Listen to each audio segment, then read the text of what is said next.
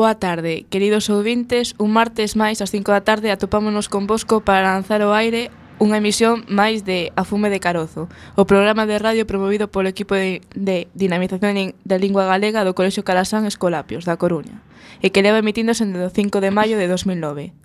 Hoxe celebramos que este é o programa número 200. Hoxe atopámonos aquí para falarvos dun tema do que se fala moi pouco, pero que esperamos e desexamos que sexa máis habitual nos vindeiros tempos. Falaremos sobre a ciencia en Galicia. Sí, existe, aínda que algúns pensedes que non. Está claro que non somos unha potencia científica como outros países, pero iso pasa ya case todas as nacións, xa que a produción científica está dende hai bastante tempo concentrada en uns poucos países e centros de investigación, como universidades e grandes empresas. Pero ao longo da nosa historia xa tivemos persoeiros de centos de certo peso que fixeron as súas achegas científicas nos máis diversos campos, como hoxe comprobaredes. Os seus nomes non son moi coñecidos, pero tamén é certo que moitas rúas das nosas cidades levan os nomes de algúns deles para honrar a súa figura ante o descoñecemento case xeral da poboación común. Hoxe imos intentar que ese descoñecemento non sexa tanto. E tampouco debemos esquecer algúns colectivos ou empresas que se formaron no pasado e que melloraron o coñecemento científico de Galicia, como o Seminario de Estudios Galegos, a Misión Biolóxica de Galiza, a graxas da experimentación agrícola del Viña, o Xemabegondo, etc. Antes de comezar a debullar os contidos de hoxe, poñeremos algo de música, pero non debemos facelo sen antes presentarnos as persoas que hoxe vos imos acompañar. Ola, chamome María Pepe. Ola, eu chamo Maraceli Mancebo. Eu chamome María Gil. A música que nos acompaña hoxe será do disco A Galicia de Mailoc, editado polo grupo Miñadoiro no ano 1979 e que se está considerando un dos discos máis importantes da historia da música galega. A primeira canción titúlase Danza de San Roque de Ío. Deixámosvos con ela.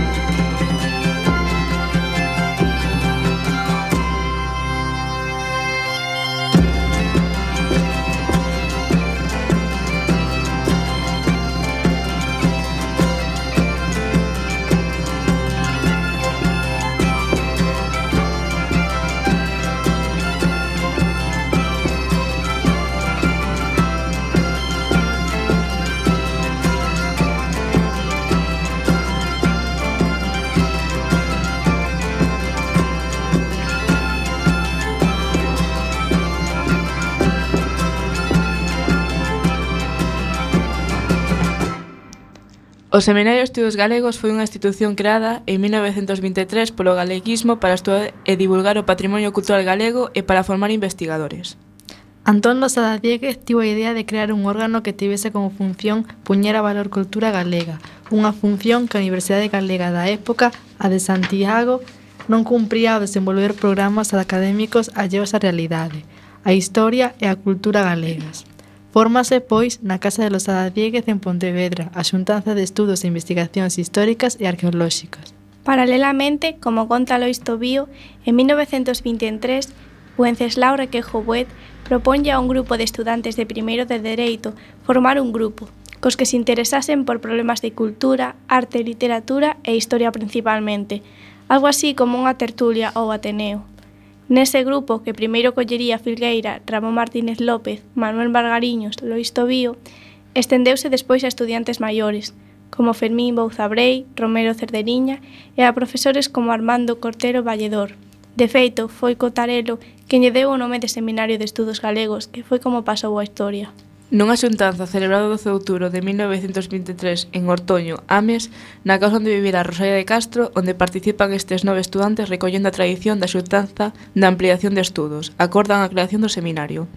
Aos poucos días, o 23 de outubro, intégrase nel boa parte da intelectualidade galeguista que se movía alrededor da revista Nos e asinan a acta fundacional no domicilio de Armando Cotarelo Valledor.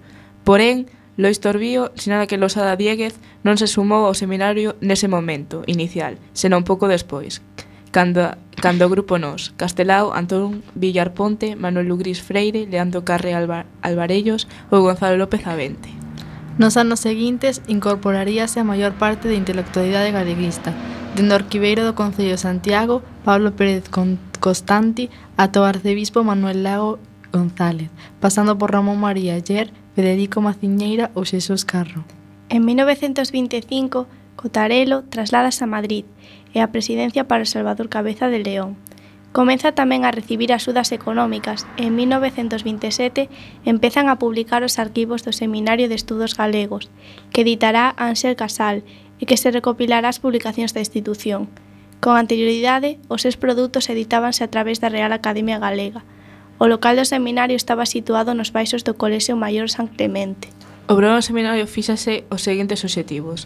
O estudo de todas as manifestacións da cultura galega tendendo a información dos investigadores e a divulgación do resultado dos traballos. O SEC estaba estructurado en 12 seccións e utilizaba como método de traballo os equipos interdisciplinarios e, aínda que non todos os traballos feitos estiveran en galego, é certo que foi o SEC quen por primeira vez utilizou a lingua galega de xeito significativo para facer traballo científico. As doce seccións e os presidentes das mesmas son as seguintes. Sección de Filoloxía, coordinador Armando Cotarelo Valledor. Sección de Artes e Letras, coordinador Alfonso Daniel Rodríguez Castelao. Sección de Etnografía, coordinador Vicente Risco.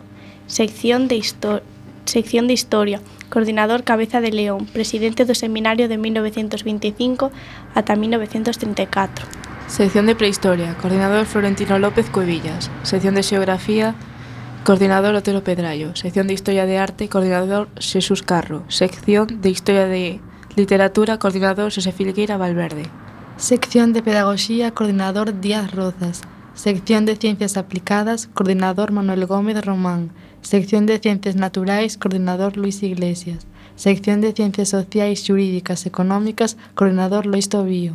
En 1936, o SEC, tras 13 anos de actividade, foi desmantelado polo novo réxime surdido do 18 de xullo. En 1944, co patrimonio do Seminario de Estudos Galegos, creouse o Instituto de Estudios Galegos Padre Sarmiento, dependente do Centro Superior de Investigacións Científicas. Despois de coñecer unha importante institución que levou a cabo un esencial labor nos poucos anos do século XX, nos que lle permitiron existir, imos coitar a segunda peza musical, neste caso a canción A Bruxa, do grupo Miñadoiro.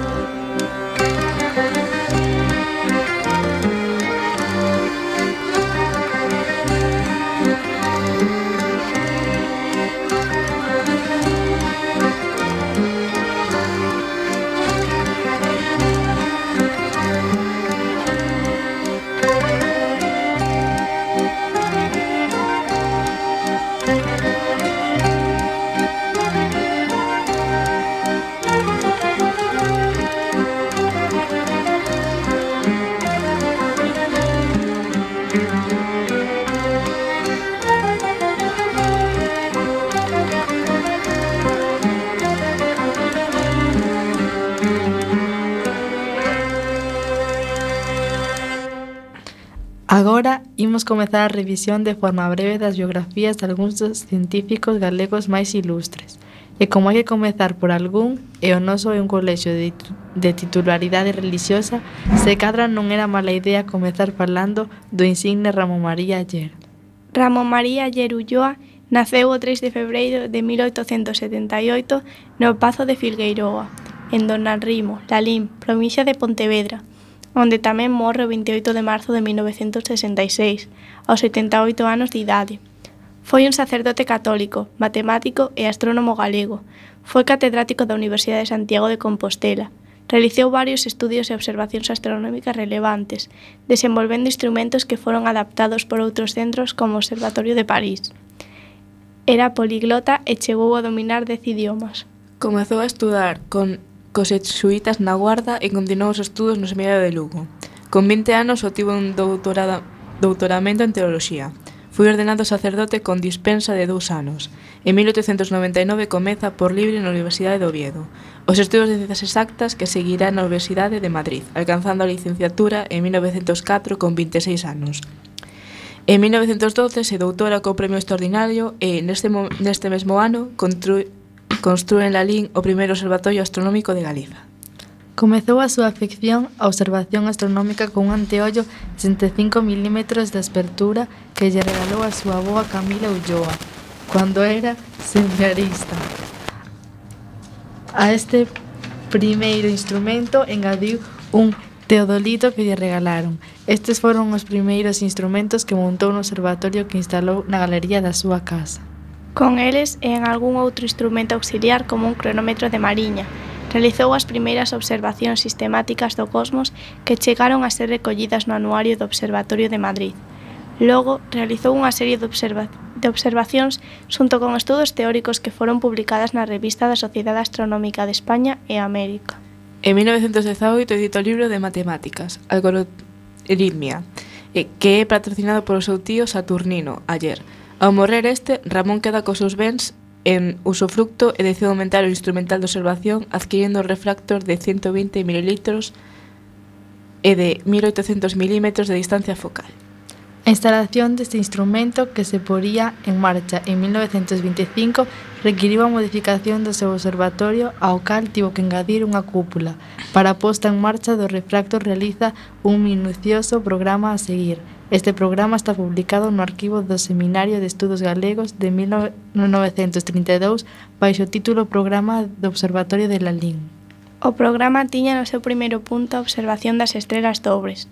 Os resultados destas observacións publicáronse na revista alemá Astronomie Naristench, a principal revista de astronomía de Europa. Estes estudos foron pioneiros en España e crearon unha importante escola na Universidade de Santiago. Desde 1930 que publica os seus primeiros traballos na revista Astronomiche na Naritrench, até 1939 edita máis de 40 traballos en diferentes medios, tanto nacionais como estranxeiros, completando ademais un interesante tratado de astronomía que viña escribindo desde a súa mocidade. Completaba estes traballos de observación relevantes escribindo desde a súa mocidade. Com extraordinarios se teñen en conta os escasos medios coa confección de planos, a docencia de mesmo da biografía Biografía de Xosé Rodríguez González, o, matica, o matemático de Bermes, outro importante científico galego nacido en Ladín. En 1939 encárgase de explicar xeometría analítica e análise matemática na Universidade de Santiago de Compostela. En 1943 construíse un observatorio na Universidade de Santiago, onde trasladan os instrumentos de Lalín e en 1944 créase a Catedral de Astronomía para el. O observatorio leva agora o seu nome na súa honra. O 30 de suño de 1943 presenta a súa tese doutoral na Universidade de Madrid co tema Algúnas experiencias que convén realizar nas observacións dos pasos por verticais. A ese mesmo ano é nomeado director do Observatorio Astronómico e edita Introdución á Astronomía, obra que viña preparando desde a súa mocidade. Se amplía o observatorio cun telescopio de pasos que achega ao, Conse ao Consello Superior de Investigacións Científicas. En 1945 crea a sección de Astronomía Teórica en Matemática Durán Loiga, xerme do que logo sería a Facultade de Matemáticas. Durante os 40 e 50, o Observatorio atopas en pleno rendemento publicándose eses traballos en publicacións do Observatorio de Santiago. Nese tempo e tamén cando se crea a Cátedra de Astronomía que dirixe ayer até 1949, ano no que é nomeado catedrático extraordinario de astronomía. En 1948 é nomeado membro da Comisión 26 da Unión Astronómica Internacional de Zúrich e publica o libro Astronomía Primeira Collada. O ano seguinte, en 1949, é nomeado membro da Comisión Nacional de Astronomía. Entre 1960 e 1963 dirixe tres teses doutorais. Cae enfermo en 1964 e trasládase ao seu pobo natal onde morro 28 de marzo de 1966, aos 88 anos de idade. A súa obra ocupa máis de 78 artigos publicados en diferentes medios, 4 libros, 5 teses doutorais dirixidas por el, 4 estelas descubertas e numerosos planos e, e deseños de instrumentos de observación e medición, así como outros moitos materiais de diferentes temas. Romaría Ayer foi membro da Academia das Ciencias Exactas de Madrid, da Comisión de Astronomía de outras institucións mundiais, inventou aparellos de medición e observación, algúns dos cales foron adoptados polo Observatorio de París. Foi nomeado catedrático e director vitalicio do, observa do Observatorio de Santiago, Coenno Honorario e fillo adoptivo da cidade de Santiago de Compostela. O inglés Wilkins puxo o nome de Ayer a, unha cate, a, unha, a un cráter da Lúa. E non hai que para esquecer que unha pequena rúa coruñesa leva o seu nome. Unha rúa, Agra de Orzán e a Praza do Comercio no populoso barrio de Agra. Esperamos que a partir de hoxe xa sintades máis interese pola súa figura e sexades conscientes de que en Galicia tamén houve grandes astrónomos, aínda que non sexan moi célebres entre a cidadanía. Imos escoitar a terceira peza musical. Neste caso a canción Si Big, Si More, John Rians Polka, do grupo Milladoiro.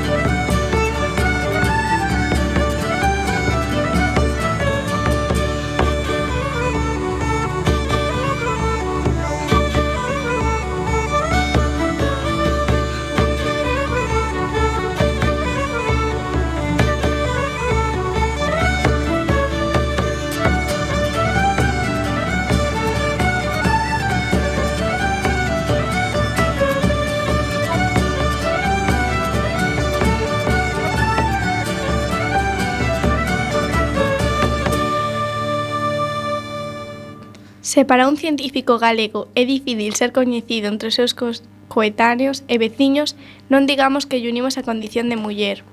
O mellor exemplo para ser a da matemática María Wannenburger. A primeira bolseira Fulbright de matemática española naceu en Montrode, Oleiros, a Coruña, en 1927. María Josefa Wannenburger Planners foi seleccionada polo goberno dos Estados Unidos en 1953 para facer a tes Universidade de Yale xunto a Nathan ja Jacobson, un dos arxivistas máis so sobranceiros do século XX. Dende entón, a súa carreira transcorre en Norteamérica só cun lapso de tres anos en España, onde a pesar do seu talento nada tiño asegurado. Wannenburger é experta nas álxebas de Clifford e na teoría dos grupos clásicos e as súas ideas foron empregadas por diversos autores. É tamén mestra mestres. O seu primeiro doutorado foi o matemático máis reputado de Canadá, Robert Moody, que a converteu na nai da teoría Cac Moody, No 83 regresou a Coruña ao enfermar a súa nai e retirouse oficialmente, pero nunca deixou as matemáticas. As matemáticas gustaronlle dende as primeiras contas que a súa nai lle pedía que resolvesen calquera compra. Pero a súa familia, culta e allá moitos crises da época, quería que María Josefa Bonenburger fixese enseñería para continuar co negocio que creara o seu avó paterno, neto dun, alsa, dun alsaciano que no século XIX chegara a Santiago. O meu pai tiña unha fun, fun, fundición. Aínda que estaba moi preparado, non puidera sacar o tiro porque quedara orfo con 16 anos, así que pensaba en min para continuar coa fábrica. Chegamos entón a un acordo. Primeiro estudei matemáticas e despois enxeñería, conta María. A segunda parte nunca se cumpriu. Pouco despois de licenciarse, o seu pai morreu e para daquela xa destacara como alumna na Facultade de Matemáticas da Universidade Central de Madrid ata onde se desplazará porque en Santiago aínda non existía carreira. En Madrid, aquela rapaciña destacou de contado. Asistía a clases en tomar apuntamentos e só os confeccionaba de volta na residencia de señoritas da Rúa Fortunity, na que se hospedaba. Para facelo, empregaba memoria e tamén algunhas anotacións dos compañeiros, que de paso corrixía para grado dos colegas, que recorrían a ela para clarexar dúbidas. O talento de María fixo que os seus profesores lle aconsellasen marchar ao estranxeiro para afondar nos seus estudos. A oportunidade chegou coa primeira convocatoria en España das prestixiosas bolsas Fulbright do Instituto de Educación Internacional dos Estados Unidos. En xullo de 1953 partiu de Gibraltar rumbo a América nun transatlántico xunto a outros bolseiros de toda Europa. Era unha das súas españolas naquel barco e a única da rama das ciencias. María incorporouse á Universidade de Yale para facer o doutoramento xunto a Nathan Jacobson, un dos alxebristas máis sobranceiros do século XX, autor de diversos descubrimentos na teoría dos anéis e que deu o seu nome ao radical de Jacobson, ademais de facer importantes achegas nas álxebras de Lee e de Jordan. Asiña, conxeneu co seu mestre e estableceu con el boa amizade. Tamén era baixiño, e a min iso de estar falando inglés mirando para arriba non me gustaba, así que as cousas marcharon moi ben, chancea María, que fai gala dun estupendo sentido do humor igual que fose de poñer grandes epítetos á súa carreira. Porén, a súa modesta non oculta unha brillante trayectoria como experta nas álxebras de Clifford e de Lie e na teoría de grupos clásicos con achegas no estudo dos automorfismos deses grupos que foron empregadas por diversos autores, tanto no mesmo terreo como en outros diferentes aos que ela tratou. As súas primeiras achegas quedaron recollidas na súa tese On the Groups of Similitudes and its Projective Group que leu en 1957 na Universidade de Yale, onde tamén traballou ese verán de balde na, na elaboración de solucións dunha ecuación tipo Coulomb, facendo cálculos nas antigas calculadoras de manivela. De regreso a España, foi bolseira tres anos no Instituto Matemático Jorge Juan do CSIC, facendo un novo doutoramento, xa que o de Yale non lle vai parido. A súa segunda tese, Representación espironeal dos grupos de semellanza, foi aprobada e publicada, pero por motivos administrativos nunca obtivo o título español de doutora. Tanto deu. Para daquela xa dedicara a marchar de novo para xa decidir a marchar de novo para Norteamérica, desanimada polas perspectivas laborais da súa terra. Tiña a ilusión de quedar en España, pero aquí o futuro era preparar oposicións durante dous anos e ver se con sorte saía algo. Había unha diferenza moi grande co que me ofrecían alá, recorda. Entre mentes, Israel Halperin, alumno do mítico von Neumann, contactará con Jacobson pedíndolle que lle recomendase alguén que puidese axudarlle coas investigacións sobre a álxebra do seu mestre. Jacobson pensou en Wonenburger e foi así como emprendeu camiño a Canadá. Na Universidade de Kingston, en Ontario, estuvo dous anos como bolseira posdoutral. Rematada esa etapa, pasou a ser a única profesora de matemáticas na Universidade de Toronto. Iso, naquela época, non era un punto a seu favor, pero así e todo houve un alumno que se empeñou en facer a tese con ela. Era Robert Moody, que xunto a María fixo unha xeneralización das teorías das álxebras de Lee, simples a dimisión infinita, A súa repercusión foi tal que pasou a coñecerse como álxebra de Cac Moody e otorgou a Borenburger o recoñecemento da nai desta teoría moi aplicada na física. Sempre me levei moi ben cos alumnos. En América a relación entre estudantes e profesores é moito máis próxima. Non son dúas seitas distintas. Polas tardes tomábamos o café xuntos e charlábamos de matemáticas. Moody dicía que de, de min lle gustaba, que non me molestase cando preguntaba unha parvada. Pero saber que unha cousa é unha parvada tamén require certo coñecemento. Foi moi bo alumno e sempre nos entendimos. E agora acaba, acabase de retirar e que eu xa teño moitos anos. Ri. En Canadá permaneceu seis anos ata que decidiu marchar aos Estados Unidos para facilitar que a súa familia o visitase. O primeiro ano estivo en Buffalo en 1967 asentouse na Universidade de Indiana, onde desenvolveu boa parte das súas achegas orientando de novo os primeiros pasos doutro grande das matemáticas, Stephen Berman. Daquela etapa garda moitos gratos recordos que van ata 1983, cando regresou a Coruña, a Coruña pola enfermidade da súa nai. Con todo, a miña afección polas matemáticas, miña nai era máis importante, recalca. Nos últimos tempos, a matemática está a ser recoñecida na súa terra a través de diversas homenaxes, e, de feito, presta seu nome ao Premio da Unidade de Muller e Ciencia da Xunta de Galicia. Ela, pola súa parte, coza facendo, di, Matemáticas case infantís, con colaboracións coa Asociación Galega de Profesores de Matemáticas. Tristemente, María morreu en xuño de 2014. Esperamos que co que coñecer a historia de María vos faga conscientes de que en Galiza tamén houbo e sega vendo grandes mulleres científicas, aínda que non sexa moi célebres entre a cidadanía. Imos escoitar a cuarta peza musical, neste caso a canción Rosalía, do grupo Milladoiro.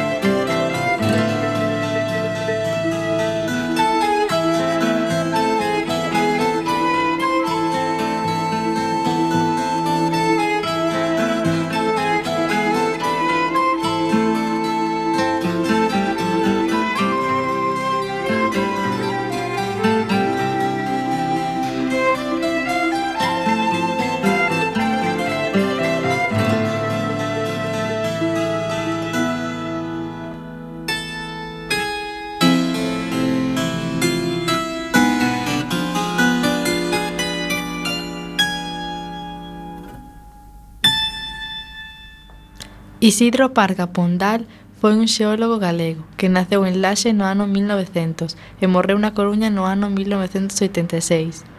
Por morte do pai, o titor foi o seu avó, Isidro Pondal Avente, irmán do poeta Eduardo Pondal. Influindo na súa tempera vocación pola química, estudou a carreira de Ciencias Químicas na Universidade de Madrid, obtendo a licenciatura en 1922. En 1923 obtivo unha praza de profesor auxiliar de Química Inorgánica e Analítica na Facultade de Ciencias da Universidade de Santiago de Compostela. Publicou os seus primeiros traballos sobre xeoquímica na revista do Seminario de Estudos Galegos, do que era membro desde 1924. Realizou estudos de doutoramento en Zúrich, volvindo en 1933 a Santiago, coa creación do Laboratorio de Xeoquímica da Universidade de Santiago. Comezou as súas investigacións sobre a xeoloxía de Galicia e forma os primeiros xeoquímicos españols, españois. En 1934 termina a súa tese doutoral obtendo a cualificación de sobresaliente cun laude na Universidade de Madrid. O comezo da Guerra Civil e como consecuencia das súas ideas e da súa amizade co galeguista como Castelao, foi purgado o seu posto de profesor retirándose a Laxe, onde creou unha empresa mineira para a explotación do caolín, caolines de lague e outra empresa mineira de denominada Titania, adicada á explotación dunha mina de titanio en Valares, xunto cos lucenses irmáns Fernández López. Esta empresa estaba dirixida por un enxeñeiro alemán, con economatos e salarios dignos para os traballadores, ademais de seguridade social e paga extra. Co diñeiro obtido destas e doutras empresas Isidro Parga Pondal e os irmáns Fernández López trataron de fomentar de forma xenerosa a recuperación da cultura galega. En 1940 creou un moi importante laboratorio xeolóxico de Laxe, no que traballaría ata o seu retiro, en 1969. Tras a morte da súa muller e o seu fillo, abandona o laboratorio e cedello a Isaac Díaz Pardo, que o, que o trasladou ao Castro, Sada. Colaborou coa Universidade de Leiden, Países Baixos, coas de Montpellier en Estrasburgo, Francia, Zúrich, Suiza, Münster, Alemanha e Lisboa, Portugal.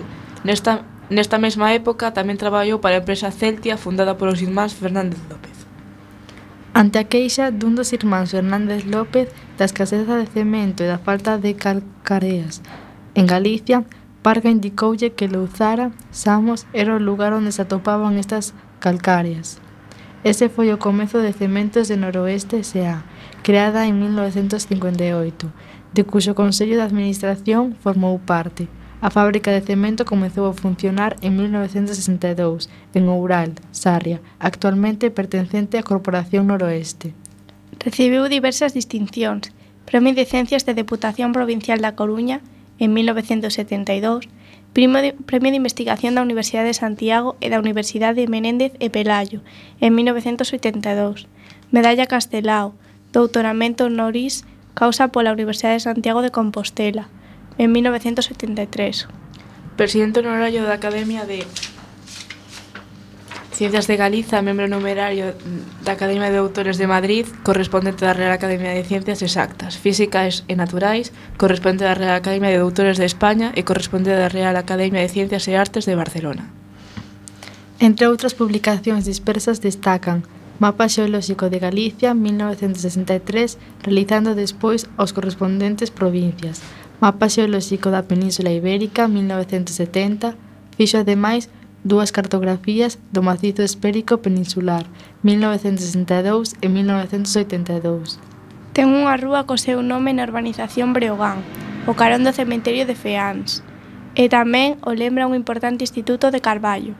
Por outra banda, hai que lembrar que o Instituto Xeolóxico que el fundou e que leva seu nome está hoxe nas instalacións de cerámicas O Castro en Sada.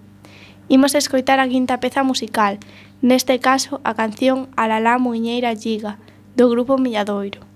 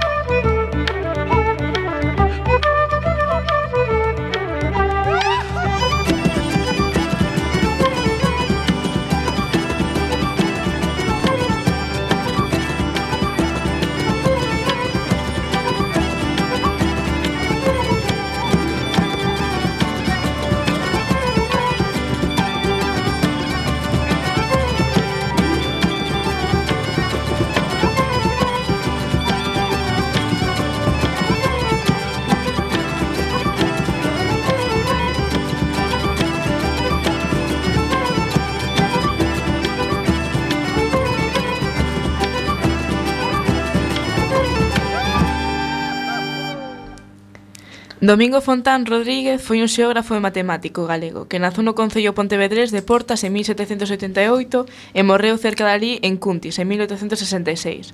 Foi un ilustrado galego, coñecido sobre todo por ser un autor do primeiro mapa topográfico e científico de Galiza, a Carta Xeométrica de Galiza. Estudou filosofía, dereito, ciencias exactas e teoloxía na Universidade de Santiago de Compostela. Tamén ali deu clases de retórica, lóxica e metafísica. Fiel ás ideas de progreso e coñecemento que imperaban no século XIX, estudou todas as materias que lle caían nas mans e ensinou parte delas na Universidade de Santiago. Foi astrónomo, político, enxeñeiro e empresario, pero sen dúbida o seu nome debe quedar na memoria por ser o autor do primeiro mapa topográfico e científico de Galicia, un traballo no que investiu 17 anos da súa vida. Durante a Guerra da Independencia Española, Domingo Fontán, como moitos ilustrados, púxose do lado das liberais e dos... Te...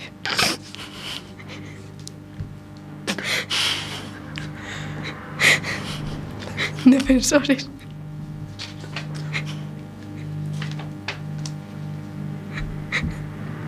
da Constitución de Cádiz de 1812, máis por a súa mais pola súa condición de mestre universitario non participou nos combates contra as tropas napoleónicas.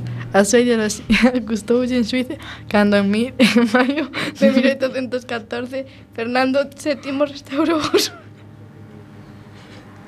o absolutismo ainda os seus apoios académicos permitiron sair indemente. Posteriormente ocupou outras cátedras a de matemáticas sublimes cuxa titularidade gañaría en 1820 e a de Física Experimental en 18... entre 1819 e 1820. En 1817 comezou os traballos de medición da Carta Xeométrica de Galiza, que non rematou en 1834. Finalmente foi impresa en 1845 en París. Este foi o primeiro mapa realizado en España con métodos científicos e medicións matemáticas. Ata 1835 non se crearía unha organización cartográfica a nivel español, coa Escola de Enxeñeiros Xeógrafos. Aínda así, non se fixo un mapa topográfico de calidade do territorio de España ata 1875. Fontán é, polo tanto, un pioneiro para os seus contemporáneos que soubo aproveitar os avances científicos provenientes sobre todo de Francia. Para cartografar Galicia, Fontán estableceu unha rede xeodésica, establecendo puntos de medición e realizando neles todo tipo de cálculos astronómicos, empregando instrumentos cedidos pola Universidade de Santiago. Tomou como punto cero a Torre de Berenguela, na Catedral Compostela. Na súa carta, Fontán fixo unha localización das 4.000 iglesias das parroquias galegas e de todos os accidentes xeográficos importantes. Agadou un nivel de detalle que non foi superado ata a aparición da cartografía por satélite. Participou na creación da primeira fábrica de papel de Galicia, construída en Lousame en 1863, e traballou tamén no deseño do trazado da primeira liña férrea de Galicia en 1858, que uniu Santiago co Carril, proxecto aprobado polas Cortes en 1861, en que non foi inaugurado ata dez anos despois. Está soterrado no Panteón de Galegos Ilustres, na egresa do convento de San Domingos de Bonaval, en Santiago de Compostela, Tamén ten unha rúa dedicada co seu nome na urbanización Breogán, que antes mencionamos, o carón do cementerio de Feans. Isto non é extraño, xa que a maioría das rúas desa urbanización levan nomes de científicos, como tamén sucede co polígono industrial da Grela. Pois Prosigamos agora con outro eminente científico coruñés, o matemático Xoan Xacobo Durán Loriga, que naceu e morreu na nosa cidade, que viviu entre 1854 e 1911. Co 15 anos ingresa na Academia de, de Artillería, pero uns anos máis tarde abandona o exército por motivos de saúde. Fundou unha prestixiosa academia na que se facía a preparación para o ingreso no exército e as escolas de enseñería e arquitectura, considerada a mellor de Galiza e da que saíron excelentes profesionais. A gran dedicación ás matemáticas e aos seus numerosos estudios proporcionáronlle gran fama como científico tanto en España como no estranxeiro. Foi membro da Real Academia das Ciencias e da Real Academia Galega, aínda que non puido ler o seu discurso de ingreso por sobrevivirlle a morte.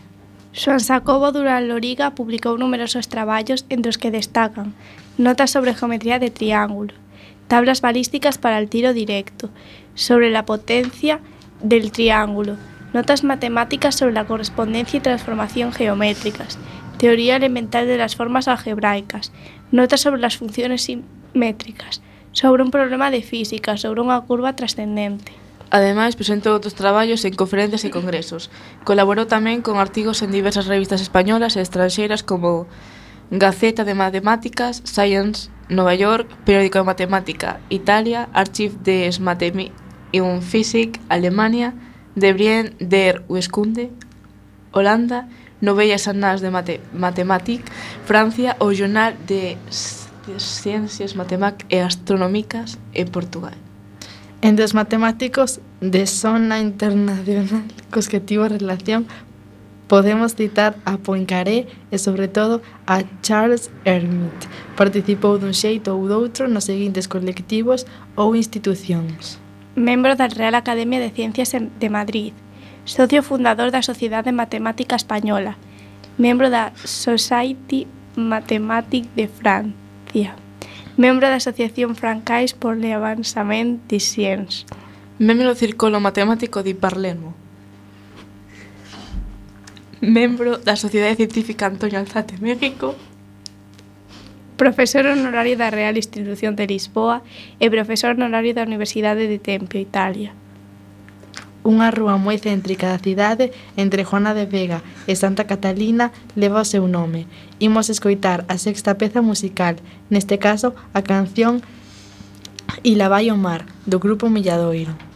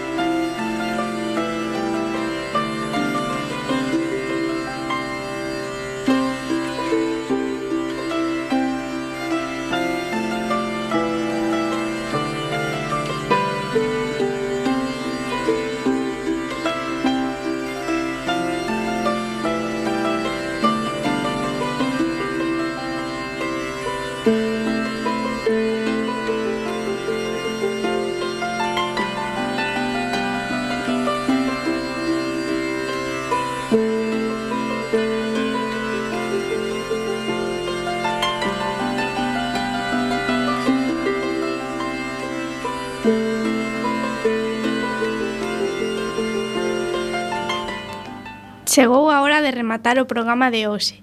Lembrade que todos os martes ás 5 da tarde o equipo da de dinamización da lingua galega do Colexio Calasán, Escolapios da Coruña, emite este programa de A fume do carozo, realizado por alumnos do noso centro.